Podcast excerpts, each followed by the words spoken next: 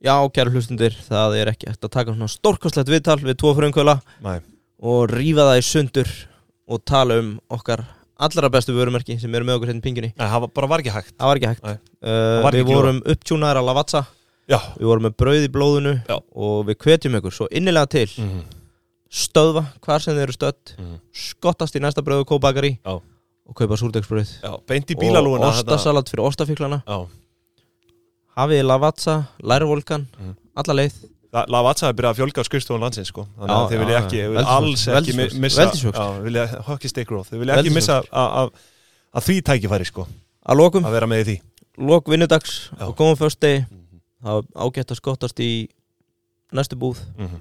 við erum búin að fara inn á aukakrónur.is Já. sjá samstagsæðila Mhm. uh, galdurinn er reynda að sá að þú þarft ekki alltaf að vita hver er samstagsæðili því að aukakrónunar gefa þér bara cashback. Mhm.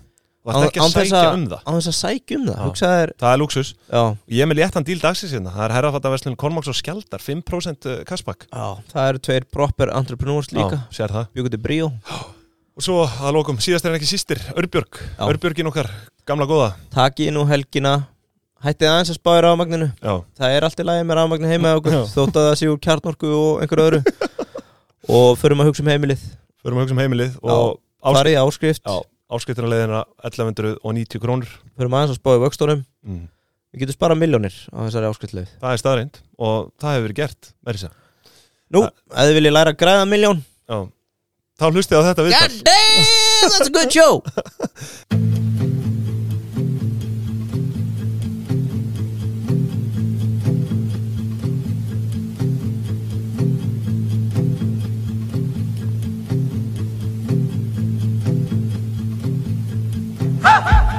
Já, já, já. He- Heyrið þetta? Það er hjúts Við liðum svona sem ég sé að koma inn í ringin og ég er bara allir pump Já, það verður slagsmað, það verður slegist dag? Þið eru mættir inn í ringin Í hvað lag þetta er? Þetta? Er Heyrðu, Þeir eru mættir Eir Fannar Halldórsson Daniel Andri Pétursson uh, Frumkvöðlar. Já, stofnendur og og stofnendur eigendur. og- Já, Górilla Vöruhús. Yes. Veik upp Reykjavík. Mhm. Hvað fleira? Er það bara þetta tvent? Í raun sko. Það Já. hafa verið einhvað annað hér og þar en, en ekkert, ekkert þess verið að tala um Við sko höfum verið að flagga hérna vörumörkinu Reykjavík Foodwalk Það hefur verið svona Í dag er til orðið bara svona sama entity Undir, undir Já. Reykjavík Foodwalk og Veik upp Reykjavík. Já, já, Já, Pretty much, byrjum með Wake Up Reykjavík fyrirtækið. Reykjavík Foodwalk er svona undir brand einhvern veginn. En Já. það er búið að stækka það mikið að það mætti eiginlega að kalla það sitt eigið sko. Já, já, já, já, já. Þannig að dóttur brandi er að verða eigin móðir. Í raun Það var skemmtilegt Hva, í Hvað kemur eftir það? Þannig að Veik upp er að verða amma Já, já má segja Foodwalk þetta er orðið offa. mamma Hvað kemur næst? Er eitthvað svona coffee walk eða The Lavazza Coffee Walk með Danna Ég er búin að vera ít á Danna að vera með vegan túr sko Já, Hann er ekki á spennt fyrir ég Nei. Ís, ískaldur á það Já. það er, maður veit ekki, það er margt að breytast og mögulega markaði fyrir því Já. en hérna, Kemur í það ljós. væri gaman, gaman að fá nýtt Óþarft nýja dóttir líka. Já, já Hvað hérna við vorum, Ég var skammaður harkalega fyrir að vaða bara inn í viðtali síðast. Hvað getið þið sagt okkur á okkur, drengir? Sagt bara hvað er gaman að sjá okkur maður. Já, Já, sömulegis, fyrir utan það Það er náttúrulega, ég held að þurfa ekki að kynna það fyrir þess að hlusta á pingjuna, það förstastættina Þið eru búin að vera með okkur í liði núna í hvað, þrjá, fjóra mánuði? Með Górilla Vöruhús. Já, En eins og við segjum, þið eru inn í Wake Up líka og, og The Food Walk. Uh, Hvernig kemur það til? Bestu vinni frá æsku? Já. Hittust þið á yrkinu á hvað að stopna fyrirtæki saman eða? Shit, þessi, þessi saga við nú sögð, sögðum nokkur sinnum sko. Já, og, og hérna gaman, ég var að hugsa á leiðninga að ef Wake Up ekki stofna 2013 Þetta er- 2014, ég mér minnir að við höfum sittið á kaffjósi feb 2014 þú manst svo ótrúlega mikið já. En hugsi ykkur, þetta er að vera nýja ára. Já, ég, já, ég var Já. eiginlega í svona kollin á mér var þetta sko tíu ára sammátsamælega og En var það ekki, voru, voru þið samt ekki í MS ennþá? Þegar að þið Mm, Nei, þetta er þegar svona þetta ári, byrjar, eða? ári eftir mennskóla. Já, Já, þetta það var er, þetta hug, 2014 vantilega hugmyndin kemur sko samli mentó, góðu vinni þar Mhm. uh, klárum MS, förum, förum svona okkar sikkur leiðir, ég fer í skóla hann fer að vinna Mhm. og hugmyndin er, herri við ætlum hérna að hittast einu sinni í viku aðalega bara til að halda bandi og hittast og spjalla og allt það en það þróa svo út í Herru, hvað finnst þér um? Ja, þetta verður Já. svolítið sniðut. Hittumst aftur á mánudaginn, verð þú komið hérna fimm hugmyndir og ég líka á Mhm. þannig, þannig fyrir wake up að stað, sko. Voruð þið alveg staðráðinir í því að fara ekkert í háskóla eða? Já, hann fyrir skóla eða ekki? Dan er college dropout sko Já. Ég er Já. entrepreneur by choice Já, já, já, já, var það öfugt, þú ferði í skóla og þú fórst að vinna. Já, já, er ég fyrir skóla. Ég meir, meiri þess að sko, við byrjum, ég er í HR þegar við byrjum með wake up. Mm. Já, Hvort það var sko að wake up Reykjavík er bara svona komið á svolítið gott skrið eftir eitthvað sumar mm. og ég er samt einhvern veginn bara á leið aftur í skóla eftir sumari. Bara, hei, þetta er búið að vera geggja næs Mhm. á leiðin í HR aftur. Já. Alveg rétt og Egil tók mig til leður og bara, herði ertu ekki að sjá, sjá hérna sjá hvað er að gera, Já, að gerast já, er já. Þú varst kannski aðeins áhættu fælinari eða? Það er bara Nei. hockey stick growth hérna Já, og ég þú held- ert bara Ég held að konceptið að vera að þú varst alveg í skóla og við erum bara að spjalla, við erum aðeins bara ok, þetta er svona búin að vera vexturinn Mhm. Ertu tilbúin að fara að dedikata hérna 8 eða 10 tíma á dag í námið þegar við sjáum potensiali hérna. Menn sjáum ekki eftir því Nei, í dag. nei, emitt mín, mín hlið er svona allan á kinnunum er að við Danni erum svona félagir í mentaskóla aldrei hérna, aldrei bara eitthvað allt og nánir. Nei. og báðið svona, bara svona ég veit ekki, average klárir en Danni rosalega rosalega money hungry gæi sko. Já, ógeðslega money hungry og, og Sett á damn that skuldfilterinn Maður sjá, hvað er hann, hérna hann? Nei, herru Nei, það er Hérna? hitt Damn that's good Akkurat, sko, akkurat. og við, hann var alltaf að pitcha einhverju svona business umundum og svona, neða, svona mínlega sögum allan er að við vorum mjög spenntir að vera að gera eitthvað saman. Danni Já. klálaði með frumkvæða því sko. ég næði að smita þig af græðki algjörlega, ég var, Græðki, já ég var svona ég held að ég hef verið svona Hugsjón. vinstri sinnaðri á okkur var svolítið svona, ég vildi rosa mikið er ég að fara í vildgóttir hérna? Ég vildi, Egil, Egil vel vinstri sinnaður í mentaskóla með mókaverkefnum alls konar- feminisma og það vildi bara svona, ég vildi gera það besta fyrir alla. Og Danni Hann- var svolítið, herri, við erum að fara að make the cash. Var með, Já. var með góð gera samtök í ment og allt á góðu sko, svo Já. kem ég inn í þetta og ég er svona aðeins í mínu átt sko, en samt góði stráka myndi ég segja sko. Já, klálega, klálega. Ég held að það hafi nú enginn eitthvað slæmt um ykkur að segja Allavega ekki af, af rekstri að dæma. Ég meina það eru nú margir bara svikarhappar sem fara út í business. Þið eru ekki það Já. Þótt að þið vilji hérna selja þjónustu og hafa eitthvað, einhvern ábata? Ég held að það sé sama hvort þú ert að spyrja um vöruhúsi eða, eða eiginlega górulu eða Danna í wake up eða hvað er sko, það er held ég frekar svona gott orð á strákanum sko. Ég held það, ég já, reviewin ykkar á Wake Up Ljóta að segja eitt, sko. Já, Já, er þetta ekki þið bara ekki- nokks konar fordæma lust hér á landi? Er þið ekki Ég held að, ég held að ef ég á að tala fyrir Danna sko, og held ég að Danni sé með highest rated tour á Íslandi. Já, og það ég held að Danni sé líka, og Danni og Kó í Wake Up, Já, með mögulega highest rated food tour í heiminum.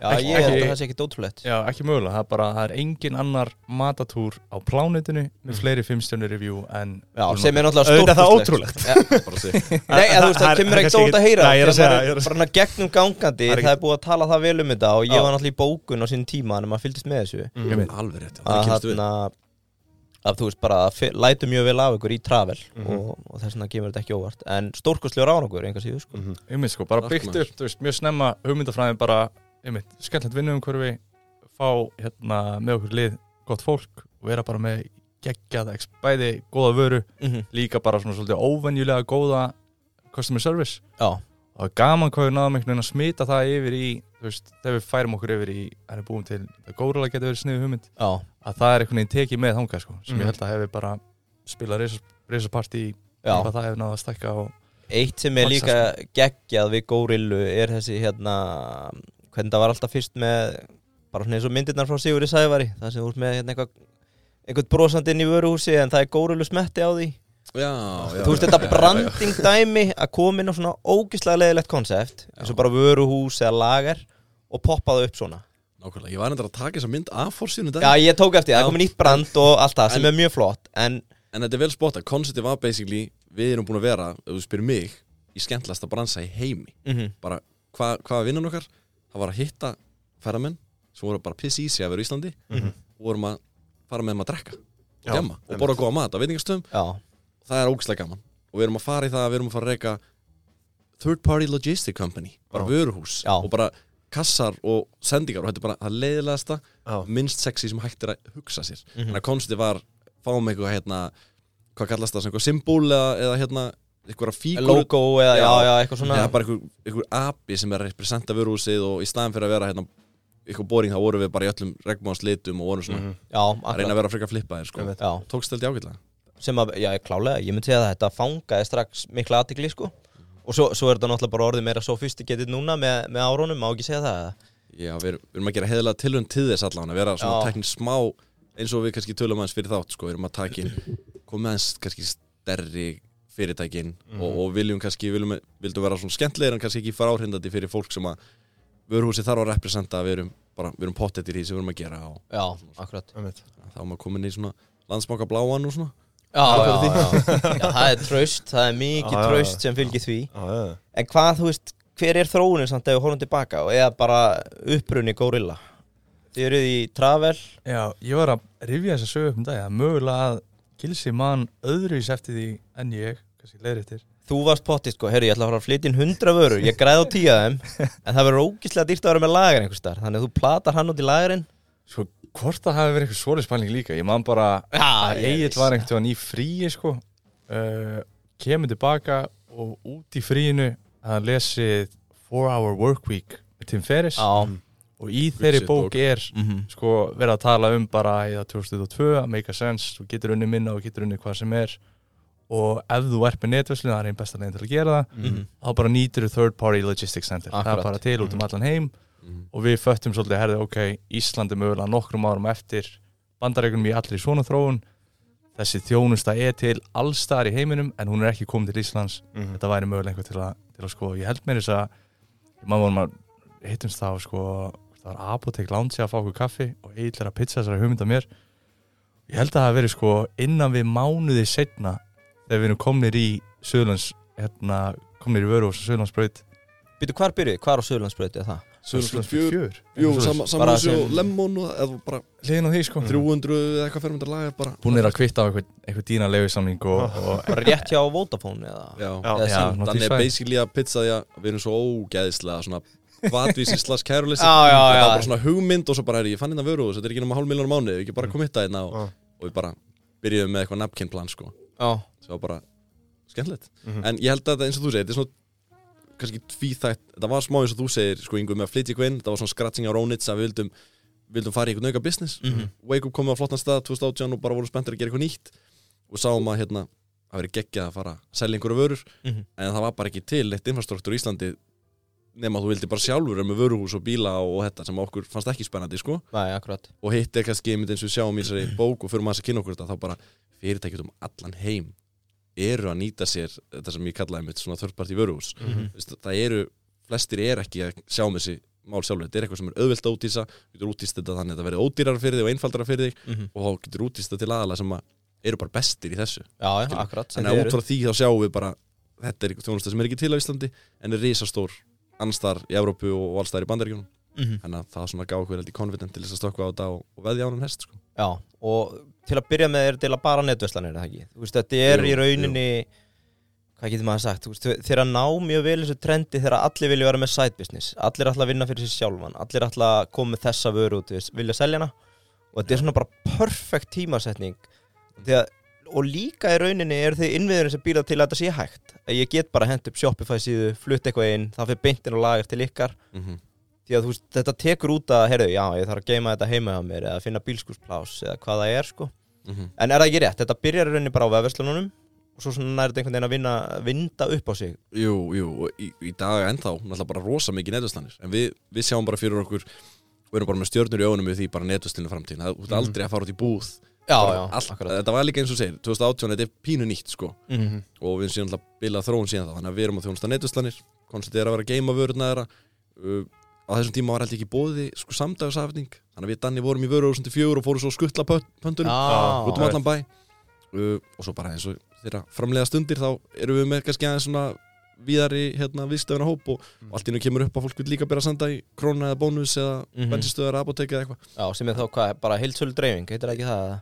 Jú, fyrir okkur er þetta náttúrulega bara alltaf sama. Já, þetta er bara spurning, eru að senda hérna, eitt bolla heim til lingva eru að senda 100 bolla í epal eða hvað er Mhm. þannig að það svona vindur upp á sig og í dag er reksturinn örgulega bara svona frekar tvískiptur þannig að það er, já, akkurat uh, Og líka bara ef maður hugsa tilbaka ef það var ekki Gorilla 2018 hvernig gerði maður þetta?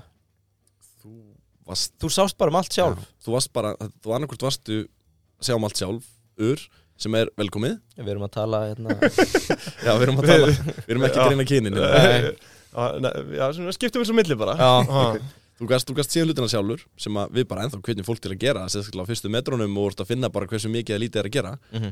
uh, en síðan var bara, ef þú vildir eitthvað meira þá þurftur þú bara að stopna vestlun Mhm. ég hitti endurst af fólki í dag sem er ennþá að stefna að opna vestlun ég við sem að vera örfá aðla þá er það kannski málið Mhm. en bara kostnæðan við op, þú vart að leia rými, þú vart með einhvern leigusamning bundin einhver mánuð, þú vart að hanna og innrétta vestlun, kaupa allt í það Mhm. Og svo er bara nokkuð mitt að bara með heilan starfsmann. Á vaktinu bara aftur fjögur. Þetta er mjög fljótt að bara- vinda upp á sig í kostnaði. þá bara starfsmannakostnæðinu bara fyrir, já, heilt starra bara lámark hálf miljónar mánuð eða eitthvað. Mhm. í staðan fyrir að komið inn í okkur og bara er ok og borgar hérna.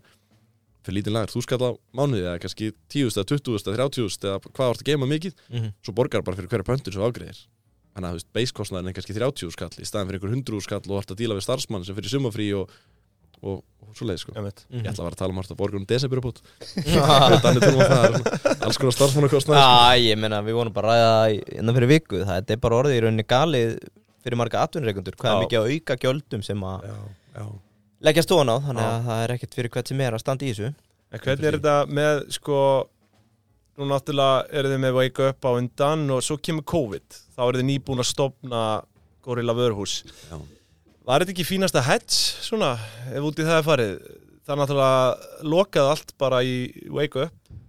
Ég, ég fengi þessa spurning svo ógeðslega oft Ég er að hugsa saman veist, ég er að veltaði fyrir mér því að svarin. ko- ég var að Ekki veltaði fyrir, svarin. ég er að veltaði fyrir mér hvort að því að einhvern tíma staði frammi fyrir þeim möguleika bara hreinlega bara gangi í venjulega 9-5 vinnu sko, mm. þú veist Einmitt, Sko, ég, einmitt, ef, Á- ef, ef Gorilla hefði ekki verið. Já, ég man í COVID og einmitt náttúrulega bara sérstaklega hérna 15. mars 2020 þá er lokað á Já. bandarækjumenn með að koma til Íslands það var alvöru það er bara skellur eins og skellir Já, gerast mestir, þið sko. þekkið þetta náttúrulega bara úr veik upp auðvitað. Já, sko. Ég vil hann grillaður að munni svo dagsetningu og sko. bara hérna sé bara frétt á Trump lokar á hérna ferðamenn til Íslands allavega og hérna 99% af viðskiptafinum Wake Up eru bandarækjumenn það er Mhm. bara einhver Já, það er ástæð náum vel til þeirra erum svolítið að markast þetta sérstaklega til þeirra Já, þannig að það verður bara null að gera bara null tekjur inn, Mhm. mikið endurgreiðslum samvíl fastakostna, þannig að það er bara allt í smá Einmitt. smá hérna vesinni þar við náttúrulega, sorry, við hraðspóluðum náttúrulega yfir að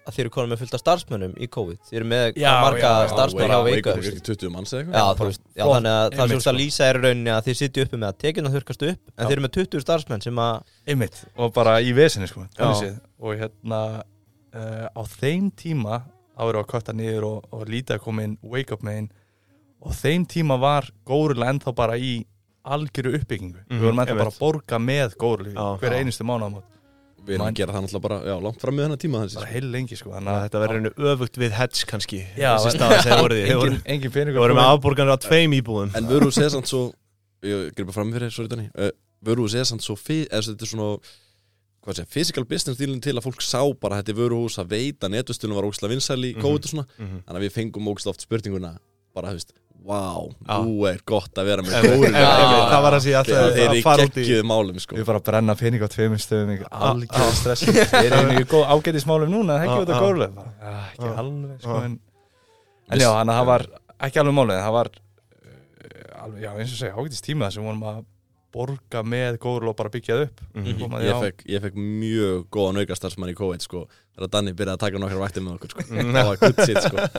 og þið skiptið sér náttúrulega þannig í dag þú, Já. Daniel, er rauninni sérðum Wake Up og Egil er, er. Gorilla eða Gilsi eins og þú skallaður Danni bjóð til gilsi bara fyrir nokkrum árum það er allt í norðið mjög ég fann að kalla hann gilsi Ég var aldrei, þetta kallaði bara Egil en Nei, Gilsi. Gilsi, það- var hérna uh, en hvernig takist það á við svona högg? Bara hóp upp sög eitt þriði eflingar ígildi allir var- út það er sko, eitt, sko frá mínum bætirum Danni alltaf var alveg kannski á gólfinu að reyka en það var ekki, veist, það var rosa mikil skilningur það var allir bara, við erum í ferðunustu, við erum búin að endurgreða bara bilaðar upp að þér á okkur dögum, Mhm. var ekki rétt um þetta það var engin, veist, það, bygg, það var svolítið bara eðlilegt þegar við erum ekki operational. Mhm. Jú, einmitt, bara leiðilegt að þetta sé að gerast en mikil, mikil hérna skilningum með því. Og það voru náttúrulega einhver úrræði í bóði hluta, eitthvað, hlutarleiðin eða eitthvað svolítið sem við dróðum þannig að við gáttum komið til móts við einhverja og svo kom Ég smá tíma en svo var Já. það bara svo langt tímabil. Þetta var bara mars 2020 ekkert að gera til sko sumari 2021 þannig að við sáum mjög fljótt bara að það bara gengur ekki upp að vera alltaf að halda í einhvað. Einmitt. þannig að það þurfti svolítið bara að loka þannig sér öllu og, og byrja svo aftur ég veit ekki Tvö hvort, ég veit ekki hvort þessi ómikil, ómikil dítel þetta er alltaf bara, við erum að tala um hann að við erum á þessu tíma með tvö bara rosa flott fyrirtæki Mhm. Mhm. við erum í bara hörku business sem nefnir nokkuð góð ár eða veist í alvegni, skilja wake up main, þetta er bara rekstur sem við erum búin að vera í þú veist, sex ára eða eitthvað Mhm. Já, og gekk vel og var í rauninni að hluta til að funda hitt já, og vöruhúsið 100% fundað að wake up Já, og okkur persónulega alltaf bara Einmitt. og vöruhúsið er ennþá að stækka á þessum tíma er þetta alltaf bara veist, það er bara allt í nulli mhm. við ennþá borgum með þannig að við erum bara þú ert að glotta, er ég að tala um minn okkur Nei, ég er bara, ég er bara að hugsa út í þessu tíma Það er að fara að sensora eitthvað nei, eða? nei, nei, ég er bara að segja að þetta endar alltaf bara því að við klárum algjörlega allt funding sem við erum með Já. Mhm. endur fjármögnum báðir íbúðunar okkar tökum allt kassi við gátum tekið Sko. til þess að fjármögna reksturinn Já. og á þessum tíma þá sé ég er ok, hérna mitt persónulega kass það er allt farið í reksturinn Já. Ég ætti ekki að verið svona 2-3 mánuð þá er ég farin að vera vandræðum að því að ég get ekki borgað með laun og vöruhúsinu eða wake up shit ég flytti Tyrklands til þess að svona elda draumana hafa gaman Já, líka því ég reiknaði þú veist, með að leiða út íbúðunum mína hættarlega bíl á Íslandi þá get ég lifað þú veist, á skemmtilegu staði í Tyrklandi Mhm. miklu, miklu, miklu ódýrara Einmitt. Mhm. þannig ég basically flytti Tyrklands langaði að gera það en líka bara því að þannig gekk reiknistæði miklu betur upp bara því að við höfum ekkert efnaði að lifa á Íslandi einmitt. lengur sko. Ég vil sko, að líka bara það sem gerði þetta ekstra stressandi manni á þessum tíma var að uh, 2020 einmitt, við að endugreiða á miljón ég man bara fyrir COVID þá var bara reksturinn í geggjum málum við erum búin að sapna upp bara veist, já, á þeim tíma bara mjög, mjög góð veist, fjárhagsleg 700 miljónum fjárhagsleg það var, það var góð fjárhagsleg staða á fyrirtækinu. Og ég man bara eftir sko var eitthvað nokkra viku sem liði það sem var bara ma- maður mætti vinnuna og það voru kannski 80 e-mail sem byðu Já. Öllum að byggja um endurgræslu, fulla bara dag eftir dag eftir dag eftir dag eftir dag. Mhm. og ég man á nokkrum vikum og þurrkaði svo mikið út ég man ég loggaði mig til hann inn inn á heimabankan og ég sá að voru 324 krónur inn. Já. og það var bara svona fuck, Ég elska svona Ég elska þetta þetta er bara botninu minn á. var eins og Egil segir hann hérna endur fjármagnar sína íbúð, ég endur fjármagni fjármagnar mína, Mhm. við setjum allt inn í wake up og þetta var á þeim tíma þetta var 2020, 2020 þetta var á þeim tíma það sem sko allt í fréttunum allar spár og hagfræðs og eitthvað svona voru að segja að hérna uh, ferðagerinn, hann mun ekki taka við sér það er bara ekki sjens Já. fyrir en 2025 Ég- Já, ok, og ég basically bara allir peningurinn og ef þetta gengur ekki upp þá erum við bara við erum alveg skrúð af því að góðurlega er ennþá upp, uppbyggingu það er ennþá að brenna pening.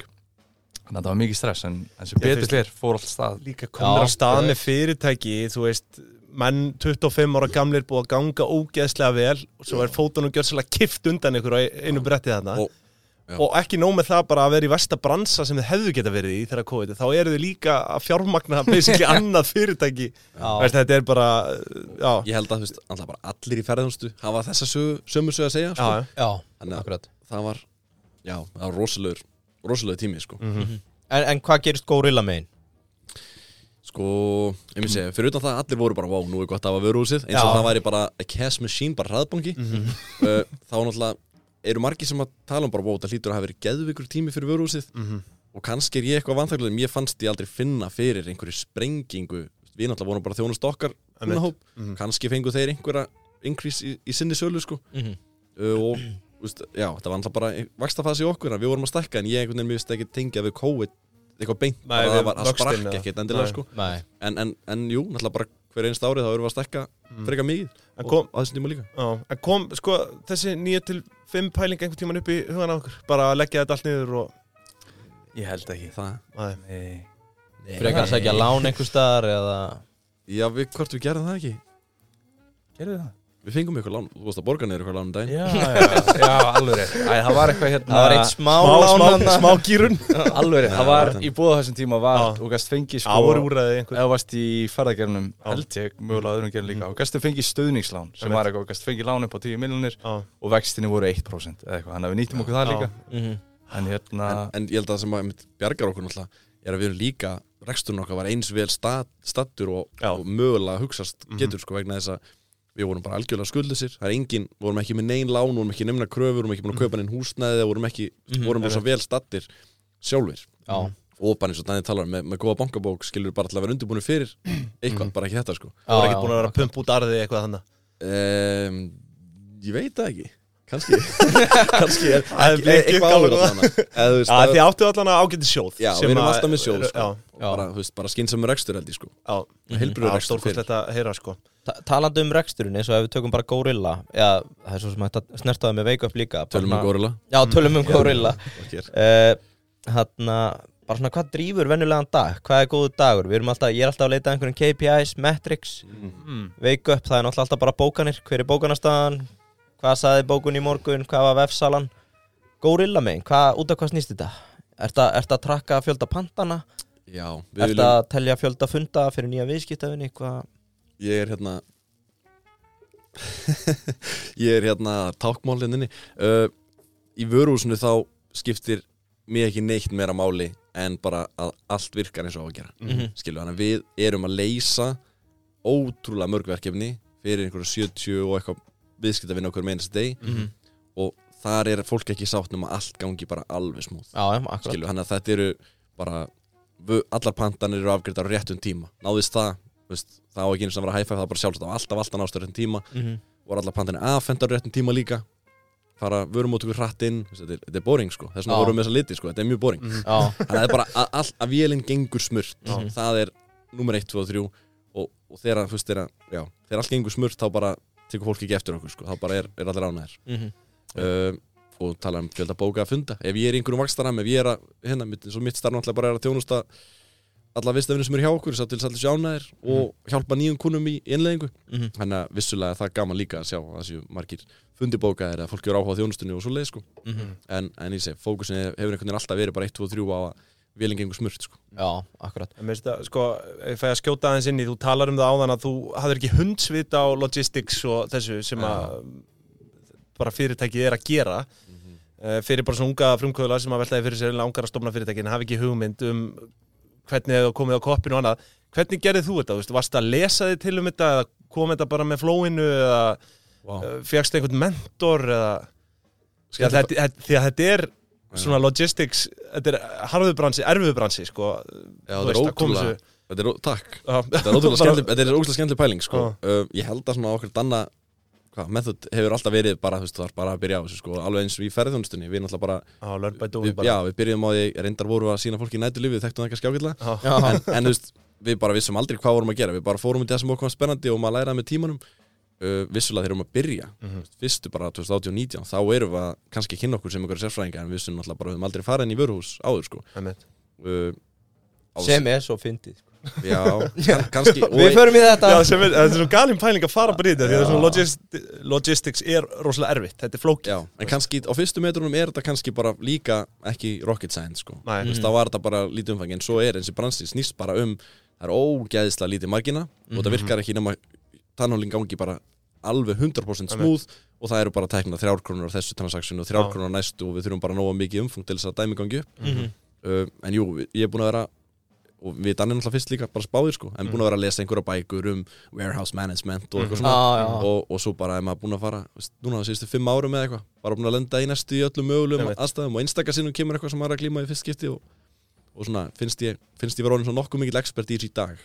En, en hérna, við erum alltaf að læra sko eins og núna Já. bara tengstu flutningana sem að takk, þið er búin að peppa mikið Já, uh, þá er náttúrulega bara maður búin að læra endalust bara búin að ræða burúsi í fyrst skipti alveg fór grunni og, og, og svona vera besta þáferla já, ef við tökum þá sögu aðeins Þið byrjaði á Suðurlandsbraut Hvað var það stórt? Var ekki 300? Það, hvað er það, 400? 400 400 fermetrar Já, 400 fermetrar á Sölundsbreytinni, fyrir svo yfir í Vatnagarða sem voru 750 Já. gerum, gerum áttum mjög gott samstarfið TFG þar eins og við tölum um þar sem við Mhm. komumst inn á svona við þægilegt fyrirkomulega sem við gátum til að byrja með bara greitt fyrir það pláss sem við vorum að nota Já, að á þeim tíma tókum við lítinn sjens Mm. og vorum svolítið í sama fyrirkomulega og við erum að bjóða okkar kunnum Mhm. en eins og þannig segir endar á einhverjum 700 okkar fermetrum Já, 750 og, og hvað eru það? Tvö ár 2019 til 2022 Já, Já, þrjú mann hefur komið fyrst inn í það hús bara, ég heldum að verið þar inni 5-7 ár, okkur fannst það svo stórt sko. Já, Mhm. en hérna fljótlega búnir að fylla það og var það ekki hvað, síðasta árið sem það var alveg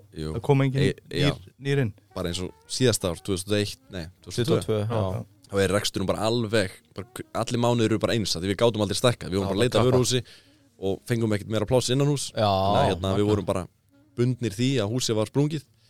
Uh, vorum að leita húsi örgulega árið eða eitthvað. Mhm.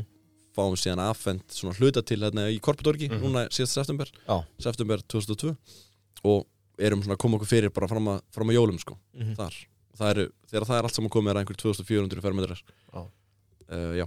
Þannig að nú Það er það alvöru expansion Það er skölun já, nú er alveg expansion sko þetta Og er, hvenar förum við í tíu úr þvermetruna?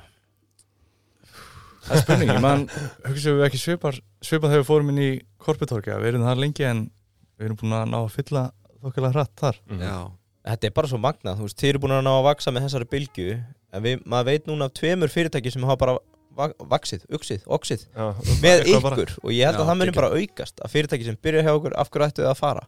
handla æðislegt við erum með mörg dæmi, þú veist ég segi, búin að vera nokkur á núna og erum að þjónast einhver 70 pluss fyrirtæki að það eru fyrirtæki búin að vera með okkur í þrjú eða fjör ár Mhm. og sögumið mitt í bara með nokkri hugar sem bara kom inn bara með nokkra kassa Já, Mhm. en eru bara í dag með bara frábæra frá, eða frábær fyrirtæki sko. einmitt. Mhm. og sömur sem eru búin að stækka rosa mikið og aðrir sem eru kannski en þá kannski hlutaslega minni en eru samt bara í geggjum business og það eru kannski fyrirtæki sem að já, svo ég bara nefna einu sann eru bara í geggjum business Mhm. Mhm. en eru ekki með vörús, eru ekki með starfsfólk eru bara með null management Já, kannski er þetta bara einirki eða, eða hérna, eitthvað par eða vinir Mhm. eins og við Danni eða fyrirtæki sem eru komið nokkra á skrifstofu en eru bara að díla við eflust sín vesen en algjörlega laus við já, Vesen sem Já, þið eru bara búin að leysa sko. já, En operationally, þú talar um það, þú fer til Tyrklands Hvernig rekum maður vöruhús frá Tyrklandi? uh, það er hægt að ferðarnir eru góðir og starfsfólkið er bara Það er með allt að sitt á besta hreinu, þetta sko. já, við erum með, eins og þú nú talaði um hérna King Val Reykjalín lagastjóra sko Já. sem að tekur mikla ábyrð á gólunu Mhm. uh, og svo bara teimi nokkuð nokku flott Mhm. þannig að þú veist, mitt hlutverk svona í dag strangt til tekið er eins og ég segi bara það er, það er þjónusta við alla viðstöfnir sem eru hjá okkur ef það er einhver, einhver tæknimál eða er einhver svona rekstarleg vandamál eða slíkt Mhm. Mhm. og, og síðan bara utanamhald og innleðing á öllum nýjum viðstöfnum og svo bara eins og við dannir um að sjá um alls konar einhverja þróun á rekstinum og svo leiðis stefnumótur og svona en, en hérna Valur hefur verið að sjá um bara það sem er að gerast kannski á, á daily operation Mhm. sem eru bara að panta niður og við erum að tökur og vélingangi smurt sko. Mhm. Þannig að ef maður er með að setja svoleiðis upp þá var hægt að vera vinna heima á sér eða í Tyrklandi sko ef það er út í það farið. Hvað er svona, sorry, ég spyrja? Já. I'm on a roll. Uh, Erfiðustu ákvarðanar sem það te- tekið í þessum rekstri? Gorilla? Í górlu Já, Uh, ég nefnilega, ég er að fisk eftir einu svari sko. Ég ætla að sjá hvort það séð þar. Ég, er með, ég með eitt annir sko en kannski þú með betra. Erfiðustu ákvarðanar Ég ætla að fara Nei Ekkert sem mitt eftir eitthvað fljótt í sko. Ég held að það er örgulega fullt náttúrulega, ótrúlega oft bara vilju við gera þetta, vilju gera þetta eða hvert vilju stefna. Mm -hmm.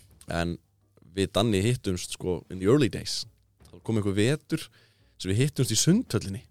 Bara taka smá bara vinnir en líka bara svona business meeting fyrir alla daga. Mhm. ótrúlega skemmtilegt. Og það var vetur þar sem við það var rosalega mikið rætt bara eigum við ekki bara að loka þessu, eigum ekki bara að hætta. Mm. Var það í wake up þá eða? nei, við erum sinni sko Já, já, bara- góðlega. það er náttúrulega fullt af svona pælingu líki í wake up sko. Já, ég held að það hafi verið sko Þetta var á þeim tíma þar sem COVID var. Var kó, já, eða, Ég er kannski að ruggla Eða hvort að Wake Up var vel að fyrir COVID sko Já, mögulega. Að Wake Up var bara á geðveiku skriði. COVID var ekki byrjað Og við erum bara, herri, við erum með þetta góðla dæmi Við erum búin að vera með það í ágætist tíma. Það er ennþá bara að brenna peningum. Já, Erum við, þú veist, erum við ekki bara klikkar að Mm. alltaf halda þess áfram? Já, Þá tökum við sundið, ég veit ekki hvað allar að bæta við. Nei, basically bara þetta. Þetta var á sínum tíma mjög mjög, hvað segja, bara legit pæling. Að hætta þessu Já, bara bara rosalega lengi. Það sem þetta var bara, við erum ákveðið vision og okkur finnst þetta vera ákveðin bara svona samfélagslega þjónusta okkur finnst Mhm. bara vera þvílík vöndun fyrir þessu Það eru fullt af fyrirtækjum sem að er að dependa okkur okkur með einasta degi Mhm. við að afgræða þeirra vörur, hvað ætla þau að gera við hættum og svona Já, en við erum bara ok, við erum að gera eitthvað á task sem er kannski ekki skemmtilegasta í heimi og við erum kannski bara að borga miljóna mánuði bara úr okkar vasa inn í reksturinn Mhm. Mhm. og, og það var, veist bara, sem ég slatt ekki Tvo undir 30 fyrir Já, og ég er að segja, veist, þetta er bara þetta er bara, þetta var svona bara svo, þetta, við sáum bara, þetta er mögulega lengsta leið að peningum sem hægt er að fara Mhm. Mhm. heldum við sko, hann er á þýleitnum til að hugsa við hvort og ættum kannski bara að fara að gera hvað annað sko Mhm. en svo eins og í dag, bara ógslána er að með frábæra rekstur sko, þannig að það var gott að svo ákveðum að rúgla rétt á sín tíma sko. Já, bara halda áfram Eitt Já. hérna varandi bara kastu og rekstur og annað Við erum nú búin að fá frumkvöla sem eru búin að taka inn heilan hauga peningum og, og þú veist, það er einhvern veginn bara orðið venjan að þú ert með góða hugmynd og þú vilt fá fjármagn í hana til að láta hana verða veruleika hefur það aldrei komið til hjá ykkur að, að reyna bara að sitjast niður með fjárfesti og, og keira á eitthvað eða viljið þið bara gera þetta sjálfur og Fara í seed round og angel round og Já. allt þetta hvað þetta heitir þú veist, hefur það aldrei komið til greina eða hafið þið fengið negin eða Þetta er svo ólíkt einhvern veginn held ég hugsunarhætti okkar gilsa myndi ég halda að ætla að fá hérna, einmitt eitthvað angel investor eða ég er Já. hugmynd, við erum Mhm. fjármagn inn til, a, til að fjármagna Mhm. um, en nei, það er ekki, ekki komið til eins og er sko, við byrjuðum Wake Up bara með ekki neitt Mhm. bara byggðum það upp og svo á sínum tíma gætum við nýtt hagnað þaðan í að starta góru, bara til Mhm. að koma því að Einmitt. en ég held ég veit ekki hvort, hvort, það var einhvað tímabil það sem vorum einhvað að spá en, en aldrei neitt farið neitt lengra með það sko. ég bara held að sé með lang flesta rekstra eða hugmyndi sko, að maður getur komist þokkala vel á leið án þess að þurfa eitthvað að, í eitthvað svona dæmi sko. Mhm. Þetta er svona náttúrulega bara smá tíska líka í tech Mhm. þú veist eh, það, það er einhvern veginn svona háværasta umræðan í þessum rándum öllum, það er eitthvað svona tech sko, hvort að það þurfi jú, þú náttúrulega þarf talsvert fjármagnu þetta í stofna eitthvað tæknifyrirtæki en, en, en hérna Það er eins og sjóri rísa partur af því það er bara, það er bara markmið, það er að fá þetta já, fjármagn bara svona kúltúrin Já, sko. ég, Mhm. ég samla þetta, maður skilur ekki alveg ég skil oft ekki rekstur sem eru bara að reyndar fyrirtæki eins og snatt, þetta og eitthvað svona sem eru algjörir Já. risar, sem eru bara komið bilað bilað nótandi fjölda, en, Mhm. en svo segja fréttasagnir það er Mhm. engin hagnaður ennþá og svona.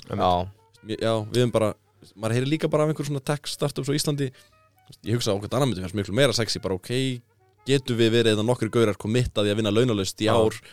og, og svo bara eigum við þetta 100% þegar við erum Já, að búti pening ég, ég, ég segi, maður getur ekki ímyndið sig einhvern og veginn engin þriði aðali eitthvað hérna ætlum við ekki hittast á stjórnafundi og þið útskýrið.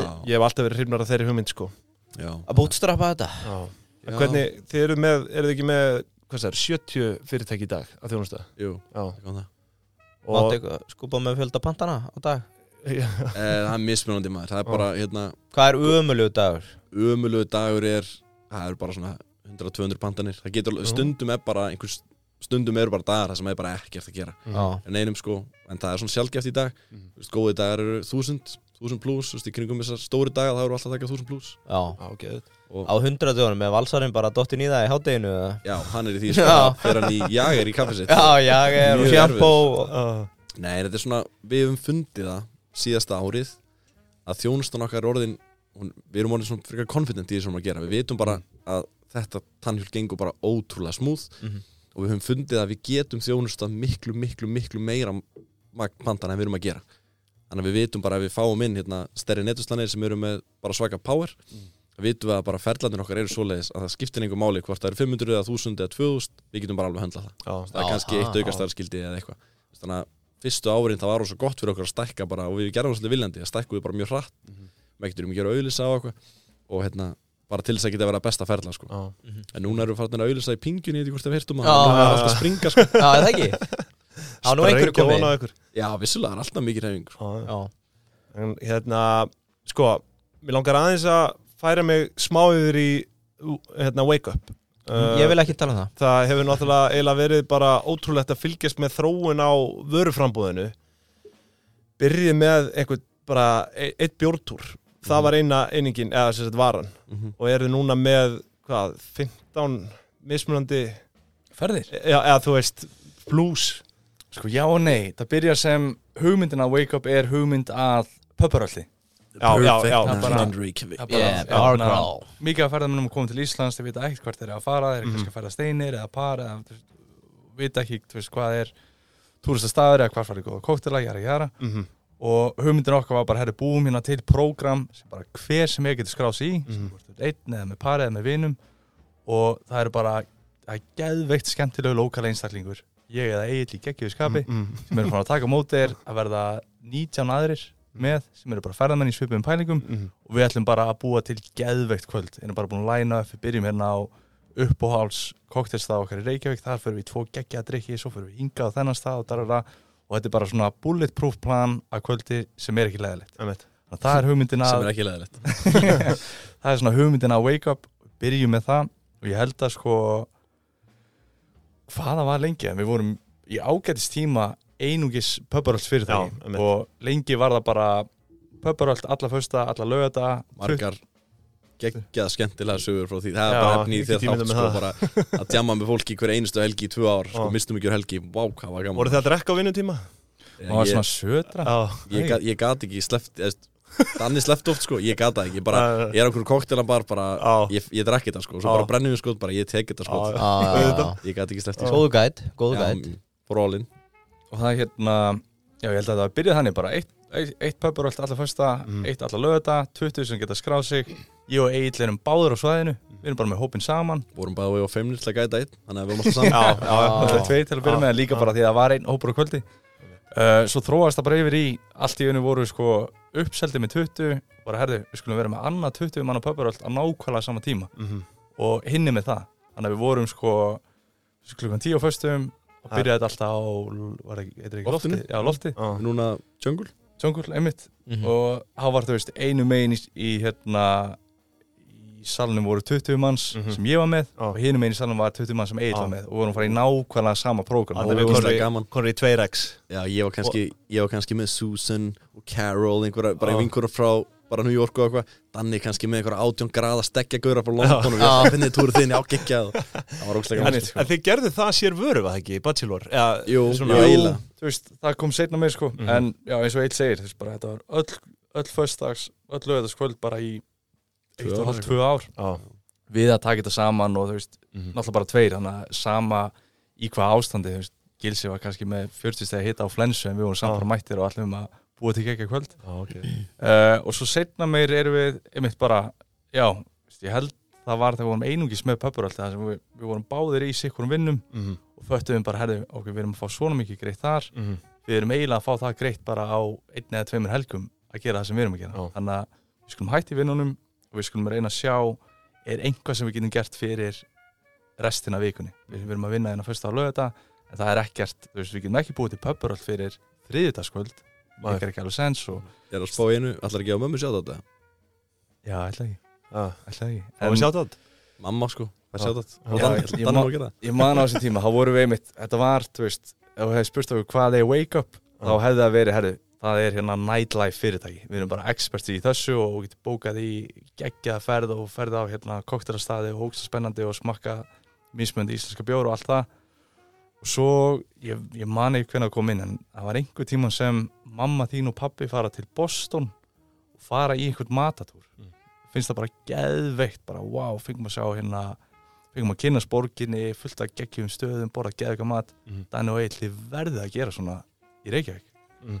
Ég man það var að segja frá þessu fyrst þá, hvort að maður var ómíl töffar eða hvað, var, hún ætla bara 22 þá var ég hikandi á það ég svona, herri, mat, við erum bara hérna töff nightlife Já. fyrirtæki og það er nokkru sinnum sem Egil er að, er að hérna, stinga upp á þessu og svo einhvern veginn látum við verða að því og bara já, ég veit ekki hvað maður segja á íslensku the rest is history Já, en einmitt. Geðveikt. að hérna, þá voru allt í hennu komni með vöru sem við vöndum okkur svolítið mikið við að hafa bara, bara alveg geðveik, Mhm. bara það eru ógeðslega skemmtileg göngulegs þegar hún ferði ekki inn í bæinn þetta er eitthvað sem allir skrási á fyrsta degi Mhm. ferða á 5-6 staði, læra hans um borgina Mhm. og þetta er bara koncept sem virkar fyrir alla þannig að við erum að fá fólk sem er að backpacka á Íslandi á algjörum budget sem getur skráð sig í þetta Mhm. þeim finnst það geðveikt fjölskyldur, vinir, bachelor hópar auðugt fólk sem er að koma á enga þóttu, Mhm. er bara í þetta prógram og þetta er bara, þetta er bara uppskrift að ég, geðveikri upplifin sko. Er ennþá þetta helvitis frí pubcrawl að keppa við ykkur? Eða það? Ég held ekki, ég held Ég þóli það ekki. Það, var, það voru helvitis helvítis. skattsvikarar Þetta voru stóra keður, veit ekki hvað er að tala um? Jú, jú, Ég- jú, Það er frýr hérna pubcrawl já, ég veit Það er einhverja 40-60 hræður sem allir ekki borga neitt? Skattsvikarar. Já, svo í lokin þá tekur gæðin tips. Þú veist, Já, það er, og þetta Æ, maður var að reyna að selja þessu liðu hugbúna hérna í þrjú Já. ár, sko, ég, þetta var gjörsamlega rótið helviti þetta, var, þetta var skemmtilegt koncept. Við, við gátum eiginlega aldrei hugsa okkur að fara út í hérna bransa að vera með free tour sko. Æ, ég er bara En- mjög fein En þetta er samt, fólk verðist hafa áhuga á þessu. Þetta eru stóra ferðir hvert sem er heiminum þarf svona að að tour. passa hvað ég er að bönni yfir þetta. Sko, við, svona, við vorum einhvern veginn hrifnar að því að þú varst að kaupa þig inn í eitthvað prógram þú, það kostar x mikið og inn í því ertu með þú varst að fara að fá þetta og þetta og þetta. Mhm. það var svolítið okkar koncept en við fundum klálega fyrir því að pubbaröld sem kostaði 15 skall á haus. Mhm. Já, að þegar það var í bóði að fara í frítt pubbaröld Já, það er nefnilega svolítið mikil áhrif á okkar eða ekki það hæði svolítið á okkar dæmi sko, Mhm. alveg klálega en ég held að í dag erum við hættir með pubbaröldi Já. við hættum með það í hérna, í COVID og eftir COVID þá ákveðum við að einbytta bara að matatórnum Mhm. uh, ok. og ég held að sé eh, lítið eða ekki neitt um pubbarölds þjónustur í. Reykjavík ef er að það. Gæti verið idea. viðskipta hugmynd Það er hérna. ekki farið fyrir Young Já. Entrepreneurs. Ég held samt, já, sorry Arna, bara Já. að svara spurningunni sko, þá er, byrjum í þessu nightlife Mhm. og erum bara síðan bara síðan 2000 og ég veit ekki hvað 18 eða 17 eða eitthvað, það hefur verið bara fókus á matarupplifanir fyrst og fremst. Það er klálega, það er svona kannski flagsípið okkar.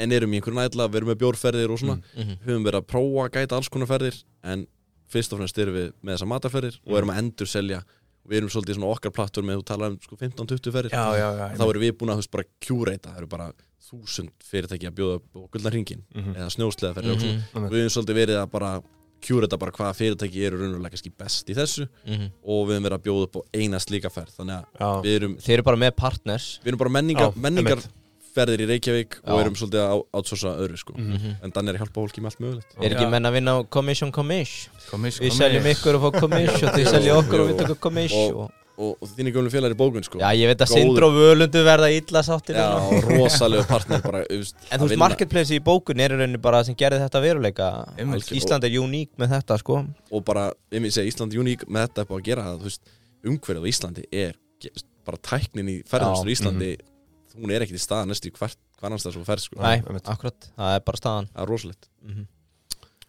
En hérna, ein pæling sko, þið eru með þessar tvær einingar, hafið þið einhver tíman út af því að nú varst að spyrja út í fjármögnun en hafið þið einhver tíman fengið bara reynd svona yfirtöku tilbúð eða eitthvað svona þú veist, Acquisition, eh, bara verið búið að kaupa ykkur út? Uh, wake up, good night. Já, já, Eða- er, við höfum í Wake Up þá höfum við einhvern tíma að fara á einhverja fundi. Já, uh, ekki í rosalanga tíma. Með fjárfestum þá? Já, Nei, með- Já, mér bara einhver að pæli að kaupa kaupa rekstinu, sko. Mm. Já, um, í, sem við endum með að gera ekki, sko. Mm. ánað með í dag. Já, en við hefum líka lent í, í svipuðu dæmi með górluna, sko. Mhm. Já, að bípa eða hvað Nei, nei, bara Nei, vera, hvað getið þið sagt okkur bara? Ba basically vöruhúsinu þá mitt hérna, eru þeir voru bara mjög snemma í ferlinu. Nýlega komin á stað. Mhm. þá fengum við strax svona hita frá, frá hérna, bara mjög stórum playerum á Íslandi sem að Mhm. greinilega vildu svona vera, vera hipp og cool og vera í því sem að öllum fannst mjög spennandi. Ég held að finnist ennþá spennandi en, en kannski svona döluðun yfir netverslun fyrir nokkrum árum að fólk var bara mjög spennt fyrir því sko. Mhm. um, hann að við erum með svona kannski smá stjörnur í augunum á sínum tíma mjög heitir fyrir því. Um, endaði kannski að það fari ekki neitt en það var kannski svona tímabil það sem við fundum fyrir miklum áhuga frá fleiri en einum spennandi aðala og þá svona sáum við kannski bara að var ykkur dólarmerki í augunum á okkur bara hérna varum við nú ansi fljótir að breyta Mhm. einu dólar í tvo. Mhm. uh, en á endanum þá já, fóru ekkit, kannski var ekkit úr því sko. Og, og við erum held ég bara þakklandi fyrir það. Það var auðvitað kannski fyrst og fremst sprottið út frá því að við vorum hérna bara ungir menn í ógæðislega dýrum bransa Já, Mhm. og við sáum ok, hérna, þetta væri leið til að kannski eins og segi, að það er eitthvað eitthva kass en, en mögulega bara líka losna undan þungum rekstri. Já, þið stóðu alveg frammi fyrir óvissu þarna. Væntanlega, þú veist, þetta er mjög mikill sko Önnu pæling eins og bara með ykkar vöxt Þetta hefur allt verið bara organically á ykkar eigin, eigin fjö Núna þegar að sapnast aftur í pingjurnar já. Sjáu þið fyrir að fara í einhverju acquisitions eða? Góð pæling. Takk fyrir þessa. Ég veit ekki, vöruhúsavæs nei, eða, þú veist, e- algengasta spurningi sem ég fæ er hvort við viljum ekki opna erlendis. Mér finnst engin hugmynd kaldari, sko. ah, ok. Þannig að bara, þú veist, núna er spurningin í vöruhúsinu bara En hvað hva lönd hafa verið nefnd í því samhengi? Já, við skal hafa gorilla í Já, nei, þú veist, aðalega Íslendingar sem eru að spurja bara, er, mér langar að selja vöruna, viljið þið ekki opna hérna eða ætla að stækka Mhm. eitthvað, en ég veit bara, þú veist, þessi bransi sem að við erum í, hann er bara risastór allstæðir heiminum, mm Mhm. bara nöðsynlega þjónusta, frábær þjónusta sem fyrirtæki ætti að nýta sér, það er galið að vera sjálfur að stústa sér. Algjörlega galið, ég vona að þessi búin að koma þetta í skila þegar við erum að Takk. segja frá okkur en, en, en þetta er bara eitthvað sem að, veist, fólk í Evrópu og Ameríku bara þekki vel, Mhm. þetta er bara þjónusta sem er í bóði allstæðar og, og ég held að vera erfitt að komast inn á okkur markaðar, Já, mjög lung leið það fyrir allána. mhm uh, acquisitions í vöruhúsinu það er þá bara alltaf dýrt sport sko bara alla græðina sem við þurfum og, og hérna stækka vöruhúsi og svona Já. ég veit ekki um wake up Danny. Uh, já, svo sem ekkert eitthvað til að tala um sko. Ég held að fókusin þar hefur alltaf bara verið að byggja upp okkar brand í Mhm. staðan fyrir að hérna, ætla að skoða að bæta einhverju við eða eitthvað svolítið sem gæti alltaf verið spennandi en allavega eins og er sko, að bara byggja upp eitthvað brandið og, og hérna Og fútvolki og fútbókið Mhm. í raun sko. Fókus, fókus skemmtilegt. Mm hann Arnar er með kópa og fútvolk hérna. Við, við vilja kaupa hann út, það gengur ekkert. Hann er hérna með einhver grílukerti og, það var hrun og lemur túristæðina fyrir niðan byrjun í janúar mjög rólegt sko. Vona að pæli hvað það væri. Það verða allir í Já, kópa og fútból þú er með austurlandar hraðlistina en það beint fyrir neðan. Já, þannig að það er Þetta er er góð, góðu kjarni hérna. Ég held að við förum nú svona senna slá bottin í þetta. Já, Ég er samt með eina svona spurningu að, að lókum ég á með tíu, ég fæði að taka nýju einmitt, einmitt. Sko, eh, það eru náttúrulega einhverjir frumkvöðlar og margir ungir líka að- hlusta. Og þið eru náttúrulega frumkvöðlar að guðsnáð, ég held að sé alveg óætt að segja það Mhm. með að við það sem hefur komið fram hérna í þessu þætti. Er eitthvað svona eh, ráð sem þið hafið, þú veist Þetta er gaman að fara í þessa salma Já, ég meina þetta er það sem allir fá sko, er eitthvað ráð fyrir ungt fólk eða bara frumkvöla á öllum aldri sem að þið viljið deila hérna? Mhm. Hvað svona Mhm, mhm. sérstætt Þannig ætlar að byrja að taka hann Ef þú vilt þar að segja. Ég ætla að lefa þér að byrja. Já, ok, ég, hérna, ég er svo hrifnaði að lesa. Hvað sér þau? Ég er svo hrifnaði að lesa. Já, Ég tala alltaf um að lesa. Og svo Já. er ég kannski að þröngu einhverjum bókum og fólk sem ennir ekkert að lesa Já, bækur. sko. einmitt, einmitt. Þannig að ég bara síðustu, ég veit ekki örgulega bara 8 ári eða eitthvað Teki bara, bara 30-50 bækur á ári Mhm. Ógslag mikið Já, þú lest svona mikið Ég les. Mér Já. Ég les rosalega mikið, alltaf er hann að segja Og hérna, ógslag mikið um svona bara business eða, Mhm. eða finance eða startups og eitthvað svona Já, Eh, Þannig að miðist maður læra alveg bara brjála esla mikið af því Já. Þannig að miðist að maður geti kent sér allt svoleiðis Fyrsta, annar ráð eftir því kannski er líka bara maður þurfa að byrja. Að fá allir geggjar hugmyndir En bara hafa punkt til að byrja og bara, ok, vöruhús, það getur flott. Ok, Mhm. ég ætla bara að leiða þetta vöruhús Ég ætla bara, sko. Hvað segir þið? Ekki bara það- Já, maður það líka hafa ég já. nákvæmlega. En bara fara á stað Já, já, já, bara farst það Þetta er það sem ég fíla, það er gaman að hlusta á okkur af Því að þetta er, þetta er finans og business sem er gaman sko. Já. Og svo eru menn svona létt geggjaði líka Já, Það er stutt í er hvort sem þú hefur pungið að sköp bara Já. keira á Að þetta. fara veist er- það sem ég meina, skilja, þú getur ekki, þú veist, þú getur verið bara í, veist, ég heyri bara, ég veit ekki, ógæðsla mörgum fyrirtækjum einhverju einstu viku, sem er eitthvað að pæli að fara í rekstur og svona, Mhm. og sumir bara koma vörurinn til mér strax, en aðrir eru kannski bara í eitt, tvö ár, Já. bara eitthvað að stratta og pæla og koma eða koma ekki og svona, þú veist, en þurfa bara að byrja og sjá hvert það leiðir, sko. Mhm. Það er svolítið vandamáli við B2B Sales cycle í þessu getur verið alveg hrottalega langt sko. Já. B2B, Já. já, Já, þú veist, bara fyrir fyrirtæki Það er bara, að ég þarf að tala um sölustjóran Ég þarf að tala um markastjóran Það er svo beautiful fyrir eins og vorum að einblýna á frumkvöluna Ef þetta er bara einhver einn Taktu bara ákvörnum að Já. fara stað og Já, og auðvitað mismund líka eftir fyrirtækjum, sem eins og, Já, eins og sorry. vörúsið kannski hefði mátt fá aðeins meiri hugsun, sko, aðeins meiri forvinni, sko, sumt bara eins og við í, í wake up, skilur, þetta er bara við vorum, þurftum enga yfirbyggingu en eitt Nei, svoleiðis, við bara byrjum að ímynda okkur hvert er bara besta kvöld sem hægt er að eiga í Reykjavík. Mhm. svo bara setjum Danni upp einhverja vefsíðu sem að með fullir veringu var ekki besta vefsíðan að þessum tíma en svo bara allt í einu bara vorum við eitthvað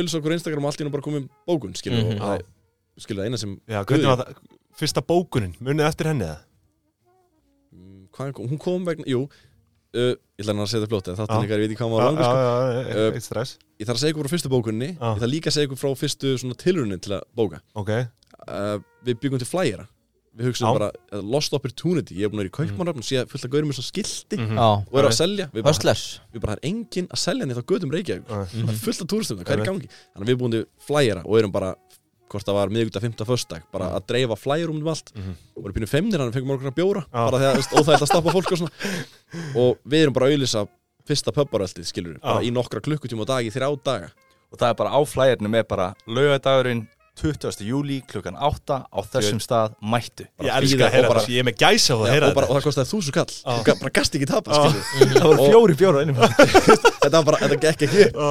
og við bara erum hann ótrúlega spenntir og við sitjum inn á húrraða bara á einhver stað sem við höfum aldrei farið inn á áður sem var mjög var ekki, Gilsi sagði sko þrýr dagar en mér minnir að við höfum verið sko mánudagskvöld, þriðudagskvöld, miðudagskvöld, fimmtudagskvöld Já. og fyrri partinn föstudag að Já. dreifa flærum og alltaf var á föstudaginn. Það voru búin fjóra daga að tala við endalastu fólki Ok, og dreifa endalaust á flærum. við sitjum bara nákvæm bar með bjór og bara hvað heldur að mæti margir já, og svo setjum við hún er tímyndir yfir Já. og hún er kortir og að það enda bara mætir. Þannig að þetta er fyrsta tilraun Já, og, og það sem að mér stöður að magnaðast af öllu veist, og það sem að bara þvílitt fyndi moment í bara lífi okkar danna það var ekki einn segunda sem við hugsaðum bara, þetta gekk ekki upp hvað er Nei? Nei, það er því að vitið. það sem ég ætla að segja Það í 90% tilfella hefði fólk örgulega hugsað þannig bara, hann ok, að þetta er bara- fólk niður bara Já. Búið þetta á en, en ég held samt að við getum ekki tekið kredit fyrir þetta þetta á bara, það einhvern veginn kom ekki til greina sko. Nei, uh, en það sem við gerum er að við nýtum okkur Instagram sem Já. er hot á þessum tíma Mhm. og við erum bara að spamma bara Reykjavík og Ísland Mhm. og náttúra og djam og eitthvað Mhm. og ég held að það spilar inn í þegar við erum að stækka það er eitthvað svona original hvernig við stækkum Mhm. en það sem við gerum líka var að við bara spömmum öll ferðarþjónustu fyrirtæki á Íslandi við segjum bara að þetta er geðugt þjónusta Mhm. þetta er það sem við erum að bjóða upp á með við kynna þetta fyrir þér og ég hugsa að við förum á fund með fullt af fyrirtækjum kynnum barkróli fyrir þeim og þannig koma fyrstu sölunar, er það rétt um mér? Jú. Þannig að þá er bara einhver fyrirtæki sem eru bara með innbánd frá endalasta fólki og þeir segja bara, heyrðu, þessi hérna steggjahópur eða hvað var, þeir eru tilbúinir að fara í pepparöld Mhm. og þannig byrja boltin að snúa sig Já. Ég man, ég man meiri þess að, ef maður bæti inn í að hérna, Nostalgi og okkur annað hérna, sko. í, í ferðagerunum er svona standard segjum að hérna, þið eru með ferðaskristof eða eitthvað svolítið, Mhm. að þið bókið á okkur bara hefur með 20 manns þeir vilja koma í þennan pakka Já, þá er það yfirleitt þannig að, eða bara ekki yfirleitt, það er bara alltaf þannig að við myndum taka móti hópnum og svo í lók mánars myndum við senda ykkur reikning mm Mhm. -hmm. hér er reikningur fyrir hópnum sem kom Já, dar. Mhm. við erum ekki að rukka ykkur fyrirfram af því að hópurinn getur cancelað eða whatever Mhm. og ég man á þessum tíma, það var einhver ferðarskristofa sem heyri í okkur og bara herri við erum hérna með 15 manns þeir vilja fara í eitthvað klikka prógram Mhm. getið þið gert það fyrir okkur og við bara, já, ekkert mál, það bara komið pöpparöldi svo ætlaði að skipulegja flöskuborð og, og hérna, fjórhjól og búum til einhvern geðveikan pakka. Og þau segja, já, herru, geggja, til í þetta. Svo föttum við að við þurfum alltaf að kaupa þetta. Já. við eigum einhvern pening. Pakkið sem kosti eitthvað 250 skall að kaupa. Við bara, við eigum eng þannig að við þurfum að fara til ferðarskristofunar og bara, herru, veit við erum ungir við höfum aldrei unni saman. Mm. Getið þið mögulega borgað 300 skall, ég held að við minnst 350 Já. fyrirfram Já. bara svo við getum keft allt. Og gæðum bara, herri, þetta- svona virkar þetta ekki. Já. en ég skal bara taka hérna klikkað áhætt á okkur að þið taki ekki peningin og mæti svo ekki. Mhm. en ég skal gera það.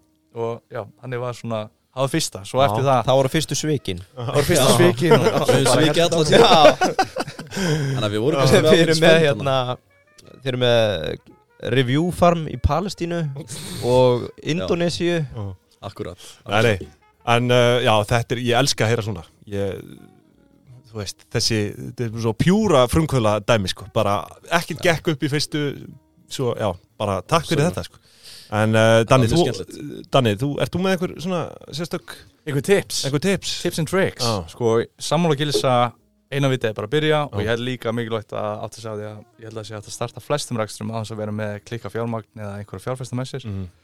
Ég held líka sko ég held að maður þarf að þurfi að vera svolítið fljótur að læra og vita hvað þú þarft að vera með á hreinu. Eins og bara ef ég hugsa því wake up þá jú það er þetta er einhver upplifun, þetta er þetta er pubbaröld, þetta er bjórtúr, þetta er food tour sem þú þarft að delivera á. En svo er svo þú veist þú þarft líka að vera bara ég veit ekki, ef þú getur verið fljótur að fatta að þú þurfa að vera með geðuga síðu þá ertu bara að læra, læra mjög fljótt hvernig býði til geðuga síðu, hvernig Mhm. ger ég hennar sörlega. Uh, líka sko hvað ætla ég að bæta við þú veist, bara, já, alls konar hvort, hvort sem það er sala eða content, þú veist, bara þú ert nóg fljótur einhvern veginn áttaði á hvað er málið í svona nokkrum pörtum, þú ert með contenti á hreinu Mhm. getur búið til geggjað upplifun, ert með eins og bæði eins og við tölum um áðan, bæði Wake Up og Górula, það bara herðu allir eru vanið í, í vöruhúsarekstri eða í ferðarþjónustuna að þú sendir e-mail og þú færð dear customer, booking confirmed hér er svona, eitthvað svona. Mhm. bara hefur ætlum að vera hérna með ótrúlega góða customer service, við hefum nýtt það alls þar Einmitt. þannig ég veit að ég er kannski komið illa frá mér, ég held bara svona já, ef þú byrjar fattar að það þurfa ekki að vera um fjármann og getur verið svolítið snöggur að Já, bara veist, aðlaða staðstæðum og bara Mhm. aflaðir upplýsingar hvort það er gegnum bækur eins og Gilsi talaði um eða Mhm. bara Já. ég er meiri YouTube-kall Klálega Já, einmitt. Danni er svo mikið YouTube fyrir sko. Það er bara bandir á milli okkar einhverja, einhverja mánuð Hann sendi mér eitthvað YouTube-vídeó sem hann finnst geggjað og vill að ég sjái Já, Svo hittist það næsta Hárur að vídeo sem ég sendi þér eða? já, Bara, ég, ég veit ekki hvenær maður opna YouTube Ég bara opna aldrei YouTube já. Þannig að alltaf með YouTube Ég, þarna, ég vil ekki hægt að tala við ykkur yes, það Þannig að við ætlum ekki að slá bátnum í dalvist nei, nei. Þú varst að tala, þeir voru að byrja. Er þið nokkuð á hraðferðið? ég er á núl hraða sko. Ég þarf að mæti matabóð einhvern kvöld. Já, ég er nefnilega ásmár hraðferð En ég ætla að spyrja. Uh, Þarna, Instagram var heitt, þeir eru byrjuð. Já. Núna eru komnir yfir í YouTube. Mm Ég hef séð ykkur í efniskerð Þið skuldi mér ASMR-vídeó Alveg rétt. Mhm. En hvað er heitt í dag? Þú Veist, Er- það á TikTok? Er það Reels? By the way Danni Hann er hann YouTube stjarn Já, Ég vissi það ekki Hann er YouTube stjarn sko. Einmitt Hann var með- Danni á með partí Já, nú er ég kannski bara hann að byrja eitthvað En Danni á með eitthvað partí um daginn Það sem að allir sem mætti í partíð New Year's Eve partí Já. Eða ármándapartí Já. sem allir mættu bara með stjörnur í augunum og bara, I've seen you on YouTube Dan og bara voru búin að fylgjast með bara öllu sem Danni var að gera og Dan from YouTube Já, Já. það var ógeðslega að fyndi scenario að vera bara einmitt, eins og eitthvað seleb fyrir þessu fólki en svo bara alls þar annars það bara, ég veist, það veit enginn hver maður er En byrju, hvaða fólk var þetta? Hefur það þá bara verið að sjá YouTube frá Wake Up Já, hérna, þú veist, við, við hérna höfum svona í gegnum tíðina einmitt átt okkur á bara kontentið er mikilvægt í, sam, í saman hvaða formið það er saman hvort það er hérna blogg eins og við byrjum, byrjum að blogga mikið eða bara uh, content fyrir TikTok eða Insta eða hvað sem það er Mhm. og einmitt svona áttum okkur á að það er að vera svolítið grípandi og skemmtilegt og öðru í svo allt það og það var bara fyrir ekki svo löngu sem við sem við fórum að hugsa sko að YouTube væri svolítið svona, ég veit ekki, vanýttur miðlega svolítið svona svolítið untapped market Mhm. fyrir Íslandsferðir eða hvað sem það væri Mhm. og byrjum bara svona ég veit ekki, byrjum að gera einhver vídeo um bara tips og tricks um Ísland en samt erum við að selja ferðir svolítið lúmst við erum að Mhm. mæla með þessu og þessu og þessu sem Mhm. þú þarft að kaupa í geinum okkur Já, sniðut byrjum á því bara 2022, oktober held ég Mhm. og margt sem við höfum gefið út sem hefur bara floppað með þú veist, 600 views eða eitthvað svolítið en svo bara mörg vídeo sem hafa fengið ógislega mikið af views og skila sér í miklum bókunum og í þessu já, tiltekna dæmi sem Gils er að tala um sko, er, við erum alltaf með áramótparti Wake Up, við fáum bara ótrúlega mikið að gestum í lók DS og föttum bara að það er engin neitt að gera á áramótunum. Já. bara skipulagt hérna geðveikt event og já, það var í einhverju vídeo þar sem ég er að pizza því þannig að í raun allar bókarnar sem koma Mhm. fyrir þetta áramótparti, flesta af þeim eru því að sáu Sá, vídeoum sá mitt þetta Já, vídeo ok. allir, oh my, you're the guy. You're a star, eitthvað svona svo að maður svo að maður er það fyrir þeim. En hérna, Skemmtilegt. Hvað var spurning? Danni no shame, ég er það, ég er það fyrir það Ég er stjálf Þetta er gott svar. En þarna, nei, ja, bara út í hvaða miðla? Ymmit, já, ég held að sé bara Er ekki komið eitthvað sem heitir YouTube Shorts? Jú, Jú. Er það ekki TikTok samkjöndin þeirra? Ekki ára á mig sko Já, það er svolítið beauty við það sko að maður, eins og við erum að gera í Wake Up sko, það eru að gera uh, long form content reynum Mhm. að gefa út alltaf fyrsta langt vídeo Mhm. Hvað er það? 5 mínútur eða 20 mínútur eða? Svona 10 til 15 mín, Já. bara ég að bladra fyrir maður Mhm. myndaðan að reyna að selja einhver túra Já, það Eh, er að horfa á vídeoðin Já, ég mynd, ég mynd góð, ég veist stjarnar í þínum megum sko. en hérna, en svo líka bara næ sko, að maður þurfi, þú veist maður veit að TikTok mikilvægt, Instagram, YouTube Shorts allt þetta, Mhm. en þetta er allt sömu sama starf, þú veist sama hlutfall af myndbandi þannig að þú getur framleitt myndband sem þú getur svo deilt sem Instagram Reel þú getur deilt deilt því sem hérna, TikTok, Já, já. YouTube Shorts, allt það Mhm. þannig að það er svolítið svona þú veist, gott shortcut Mhm. verið á öllum miðlum að þurfa að vera að gera meir sko Heru, Þetta er enda nokkuð magna Æslandin Winter Það var mynd hérna þér, local cheat sheet með 63.000 views. Alveg, Sko. 63 og tvö vídeo fyrir ofan reynda mjög nýtt Já. postað fyrir tveim vikum, 480 Já. views En það er, Þannig en, það, að þetta er, tekur tíma líka ja. það sem er magnað finnst mér er að þetta er bara Þetta eru þannig views að ég myndi að horfa á þetta og segja Danni ok, þú ert bara að gera þetta í vinnunni. Já. En svo er þetta virðist vera bara eins og Danni tala um, þetta er bara að þú ert raunverulega að ná til mörg hundru manns þó þetta sé kannski lág tala Mhm. og þetta er bara fólk sem er kannski bara mjög interested í vörun okkar. Og er kannski bara mik mikið hlutil að þessu er kannski að kaupa eitthvað sko. mm en það er frekar cool. Já, mjög cool, mjög cool. Uh, Megið þið síðan taka þú veist, sorry, þetta myndband. Ég fór bara að hugsa, máttu taka þetta myndband og setja, eða þú veist, kemur sama út þegar þú setur á TikTok og Reels.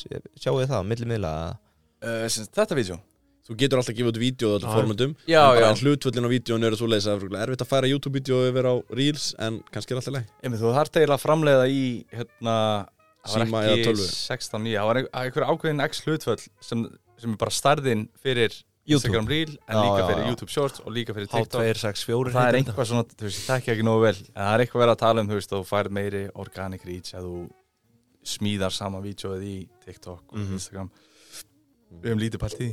Já. En hérna, Mér fannst ég líka einhvern tímann að sé að þarna að væri eins og að væri eitthvað pönnis. Ef að þeir vita að þú ert að pústis annar staðar þá, það. þá ættur ekki samt á dekk hjá þeim. Það er kannski bara fyrir stærstu influensorina eða eitthvað, ég veit það ekki. Ég veit ekki eins og hvernig þeir myndu trakka það fyrir 90% að liði sko. menn tala um það í influencer heiminum sko, algoritmin Algrímur frændi maður, hann er oft fullur og erfiður. Erfitt að, erfitt að hérna, vera að stóla á mikið á það sko. Já, en já, það er svona kannski verið eins og í Wake Up bara, en það tengist þessu ekki neitt. Ég ætla að segja að við erum búin að byggja upp mikið af organic sales og mörgum, en það er bara algjörlega ekki þetta topic sem við erum að ræða núna sko. nei, nei, akkurat. Heyrðu, Það gott. eru þið þá ekki Jú, ég held að við förum þá bara að slá botnin í þetta. Egil og Danni, kæra þakki fyrir komuna. Gaman að koma og hitta ykkur. Og bara gangi ykkur vel með allt það sem að hérna, býður ykkar. Uh, Við verðum aftur með sama. á þriðudaginn, það ekki? Egil, Górilla Vöruhús, Já. það er næst í Mhm. ykkur þar Mm -hmm. Mhm. farið bara á YouTube og skrifið Wake Up Reykjavík þá sjáu þið Daniel Já, stjörnuna Já, Varúð geti fengið stjörnur í augunum Já. já. og þetta er hvað næst síðasti léttleikandi þátturinn áður en við förum inn í seríu sem heitir Ammoniak Almennings. Uh, já, við ætlum ekkert að segja endilega hvað hún fjallar um en Jú, hún fjallar um ríkistofnanir og þá Já, já, ok. hlandlykt sem við finnum Já, af Ammoniak nei, heyrðu. Herðu, þá þakkum við kjærlega fyrir okkur í Takk dag fyrir það Segjum